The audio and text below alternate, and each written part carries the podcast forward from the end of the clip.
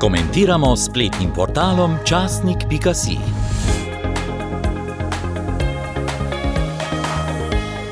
Danes smo na portalu časnik.si izbrali komentar Jožeta Mlakarja z naslovom Slovenski politični hibrid na levici.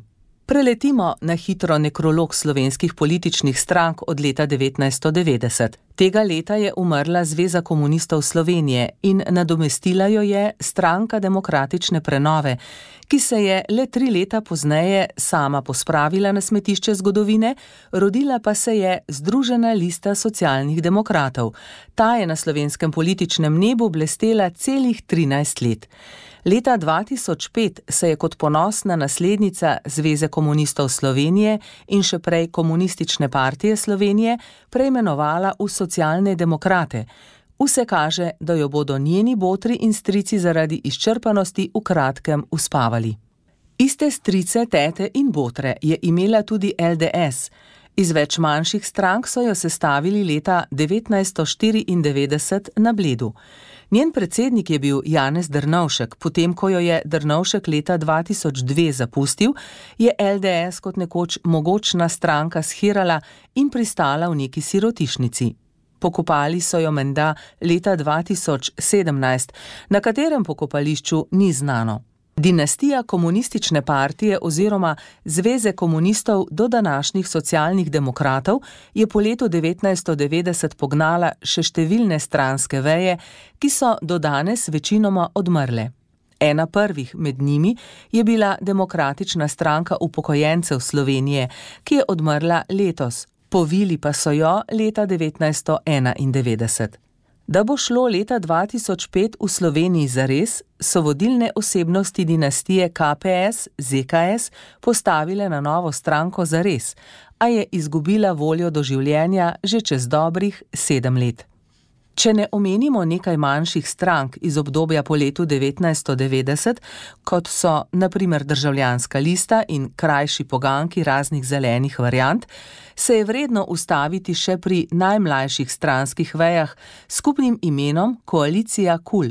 To so že omenjeni socialni demokrati kot glavna veja, ob njih Levica, stranka Alenke Bratušek in lista Marjana Šarca. Kot kaže, jih bo v kratkem pogotnila nova hokus pokus stranka z imenom Gibanje Svoboda, velik napihnjen balon, ki je platforma za vse, ki se borijo za vrnitev vrednot, spoštovanja in sodelovanja med vsemi deležniki v civilni družbi. Usporedno z vedno novimi strankami so se vrstili tudi novi obrazi, od Toneta Ropa do Alinke Bratušek, Tanje Fajon, Luke Mesca, Marjana Šarca. Vmes imamo še Zorana Jankoviča, Boruta Pahorja in Mira Cerarja. Trenutno zadnji novi obraz je Robert Golob, ki je zasijal kot zvezda supernova, ki ima sicer kratko življenjsko dobo. Edina stalnica v slovenskem političnem prostoru smo Slovenci, ki smo se od osamosvojitve do danes izkazali za neumen narod. Pametnejši od nas je vsak osel, ki gre le enkrat na let, mi pa se bomo spet k malu pustili potegniti za nos. Igra z vedno novimi strankami in obrazi je del strategije dominantnega razreda, ki se v strankarskem sistemu ne počuti dobro. To so ljudje, ki ne marajo strank oziroma strankarske politične stavbe po zahodnem vzorcu. Stranke, ki se istovetijo z ideologijo propadlega socializma, so samo maska v igri parlamentarne demokracije, ki je v resnici ne marajo. Zato imajo vse njihove stranke kratko življenjsko dobo.